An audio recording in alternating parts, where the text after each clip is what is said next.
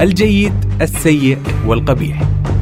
هذا حال الأفلام وهذا رأينا فيها بعد ما نشوفها وفي هذا البودكاست راح أعبر عن سعادتكم لما شفتوا فيلم وقلتوا عنه جيد وأتكلم عن غضبكم من مسلسل قلتوا عنه سيء. وممكن أتفق أو أختلف معكم بعمل شفتوه وقلتوا عنه قبيح. هذا بودكاست الجيد السيء والقبيح من روتانا أف إم. معي أنا راكان الشايع. السلام عليكم. حياكم الله. أنا راكان ورجعنا من جديد بالحلقة الثالثة من بودكاست الجيد السيء والقبيح. وقبل لا نبدأ حاب أذكركم بأمرين أساسيين. الأول يا ليت ما تنسى تشترك بالبودكاست وتقيم بخمس نجوم في حال أعجبك وتكتب لنا رأيك وملاحظاتك. والثاني حنا ما نضمن لكم خلو البودكاست من الحرق. قد يحتوي على شيء من الحرق. وفي حلقة اليوم راح نتكلم عن مسلسل شبكة HBO الجديد The Undoing. لنبدأ.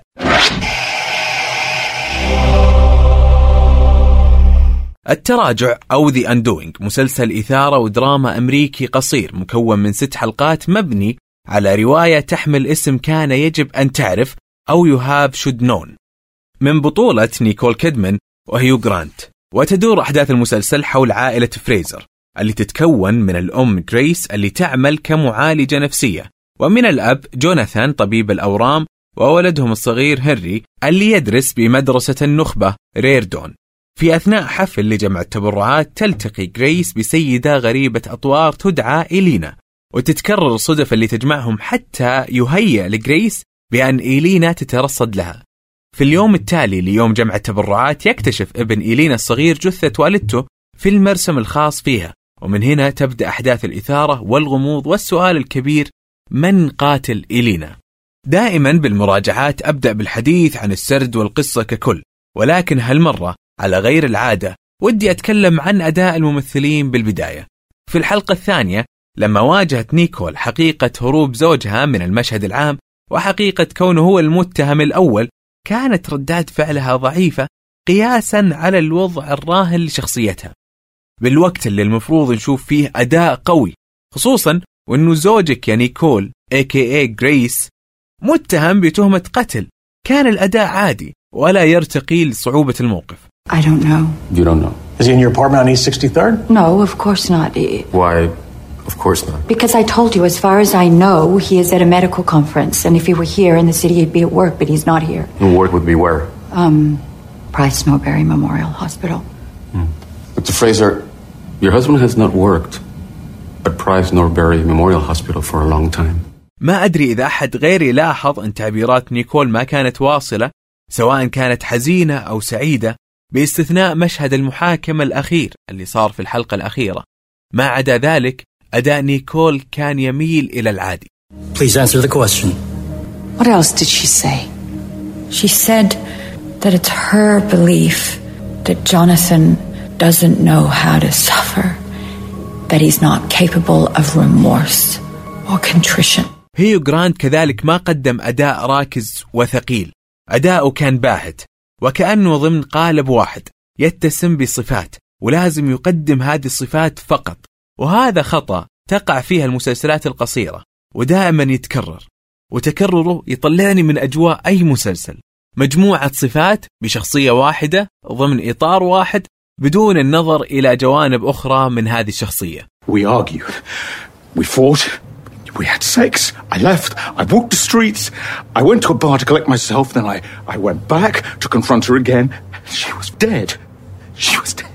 العلامة الفارقة بالنسبة لأداء الممثلين كان لمحامية الادعاء العام ومحامية الدفاع نوما دميزوين وصوفي قدموا أداء رائع وجميل ورهيب واقدر أقول أنه مشاهد المحاكمة اللي جمعتهم من الأفضل بالمسلسل بالنسبة لي قدروا يقدمون مشاهد محاكمة كلاسيكية وصراع قوي بين الادعاء العام وبين الدفاع لإقناع هيئة المحلفين Many clients think I can undo everything, wipe the slate clean. You sound like me talking to my patients. People hire me to create muck, muck up the state's case so they can't meet their burden. That's what I can give you and your husband. Muck. صحيح أننا كنا نشوف القصة من منظور عائلة فريزر الأمر اللي خلانا نشوف نوماد مزون أكثر من صوفي ولكن بشكل عام كلا الشخصيتين قدموا أداء مبهر ورهيب وارفعوا من مستوى المسلسل ككل الجميل بالمسلسل أنه الشخصيات الثانوية الأخرى كذلك ما كانت هامشية بل قدمت أداء جميل وفارق مع الأسف عن نيكول كيدمان وهيو جرانت I'm. I am so sorry. I, I should have told you. If I had, maybe that woman would be alive today. بالعودة إلى القصة فالقصة بسيطة وهي عبارة عن قضية قتل لسيدة كانت تجمعها الصدف مع جريس فريزر والمتهم الأول هو جوناثان فريزر قصة المسلسل مليئة بالثغرات وكأنه فيلم قديم بميزانية منخفضة للأسف. إلينا تعرضت للضرب على وجهها بآلة حادة والواضح أنها مطرقة والأب أختفى عن الساحة لمدة حلقة تقريبا وحتى بعد ظهوره لم يتم طرح سؤال وين كنت أثناء هروبك؟ سؤال منطقي المفروض أنه يطرح على أي متهم يعني. والقضية بشكل عام ما كان فيها تناول لجوانب كثيرة وكان التعامل معها سطحي للأسف. كذلك الزواج كشراكة الآن مهددة بالسقوط والزوال بل وبالفضيحة بين وسط الأثرياء ما تم تناولها بالكتابة بشكل جيد الصعوبات اللي ممكن تواجه الطفل هنري اللي أبوها الآن متهم بالقتل ما تم تسليط الضوء عليها وحتى إنهاء القصة بحد ذاته ما كان بشكل جيد أبدا Had no choice with Miguel. He's, a remarkable young man. You keep calling him a man.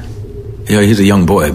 أنا ما عندي مشكلة أكون عارف المجرم أو أنه ما يكون في بلوت تويست تصدمني بنهاية القصة بمقابل تناول جيد لكل جوانب القصة والعواقب اللي راح تعاني منها العائلة سواء العواقب النفسية أو حتى الاجتماعية إهمال تناول الجوانب النفسية والاجتماعية للشخصيات مع نهاية ضعيفة خلاني صراحة أتضايق لأنه كان من الممكن يكون أفضل النهاية غير مقنعة أبدا. فجأة الأب يطلع نرجسي وفجأة الأب اللي عاش عمره ينقذ أرواح الناس يطلع قاتل ويقتل سيدة بريئة قدرها أنها تحبه.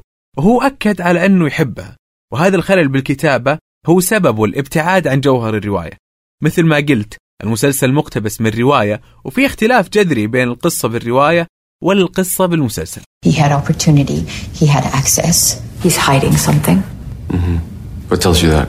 20 plus years of psychological training. في الرواية تموت إلينا واللي اسمها بالرواية ملقا وجوناثان يكون هارب طوال الرواية تقريبا وبنهاية الرواية يعترف جوناثان برسالة يرسلها إلى زوجته جريس بأنه هو القاتل ويتم القبض عليه خارج الولايات المتحدة الأمريكية ويتضح لاحقا أنه معتل اجتماعيا المسلسل أخذ نهج آخر وبدأ يحاول يتلاعب بالمتهمين فمرة تشعر بأن الطفل هنري هو المتهم ومرة تشعر بأنه جريس الزوجة هي المتهمة ومرة زوج إلينا هو المتهم وهذا الأمر ما صار أبدا بالرواية كذلك من الاختلافات الجوهرية هو عدم وجود محامي الدفاع بالرواية لأنه ما في محاكمة من الأساس فمشاهد المحاكمة اللي شفناها بالمسلسل ما صارت بالرواية وهذه إضافة جميلة من صناع المسلسل Please answer the question, Doctor. Yes. No grief? She kept waiting for it. اسم الرواية كان يجب أن تعرف أو you should have known. هو عبارة عن كتاب قاعدة تكتبه جريس وفيه كيف الشخص يحدد السمات الأساسية لشريك حياته ويختار يعيش معاه أو لا. وهذا الأمر كان واقع مع شخصية جريس وكيف هي الآن بحالة شك تجاه شريك حياتها جوناثان فالرواية ركزت على حياة جريس العملية وحتى النفسية وإسقاط مهنتها على واقعها بشكل كبير. هذا الأمر للأسف ما تم تناوله بالمسلسل تم تناوله بشكل خجول جدا You're a liar. You've been pretending to have this job you didn't even have. That's all part of the. Part of that was part of the same big deception. بشكل عام المسلسل قدم صورة نظيفة وأنا هنا أقصد الإخراج وال cinematography وال soundtrack ال soundtrack كان رهيب وجميل وكل هذه العوامل ساهمت قليلا برفع جودة المسلسل بالنهاية هل أنصح بمشاهدة مسلسل The Undoing؟ المسلسل وجبة خفيفة وممتع قليلا ولكن لا تتوقع منه شيء جديد وشيء كبير وشيء يبهرك. إذا ما كان عندك مسلسلات في بالك تتابعها الفترة الحالية تابع مسلسل The Undoing خصوصا أنه مكون من ست حلقات. إلى هنا وصلنا لنهاية حلقتنا. شاكر ومقدر لكم استماعكم ولا أنسى أذكركم بالاشتراك وتقييم البودكاست. سلام. هذا بودكاست الجيد السيء والقبيح من روتانا أف إم. معي أنا راكان الشايع.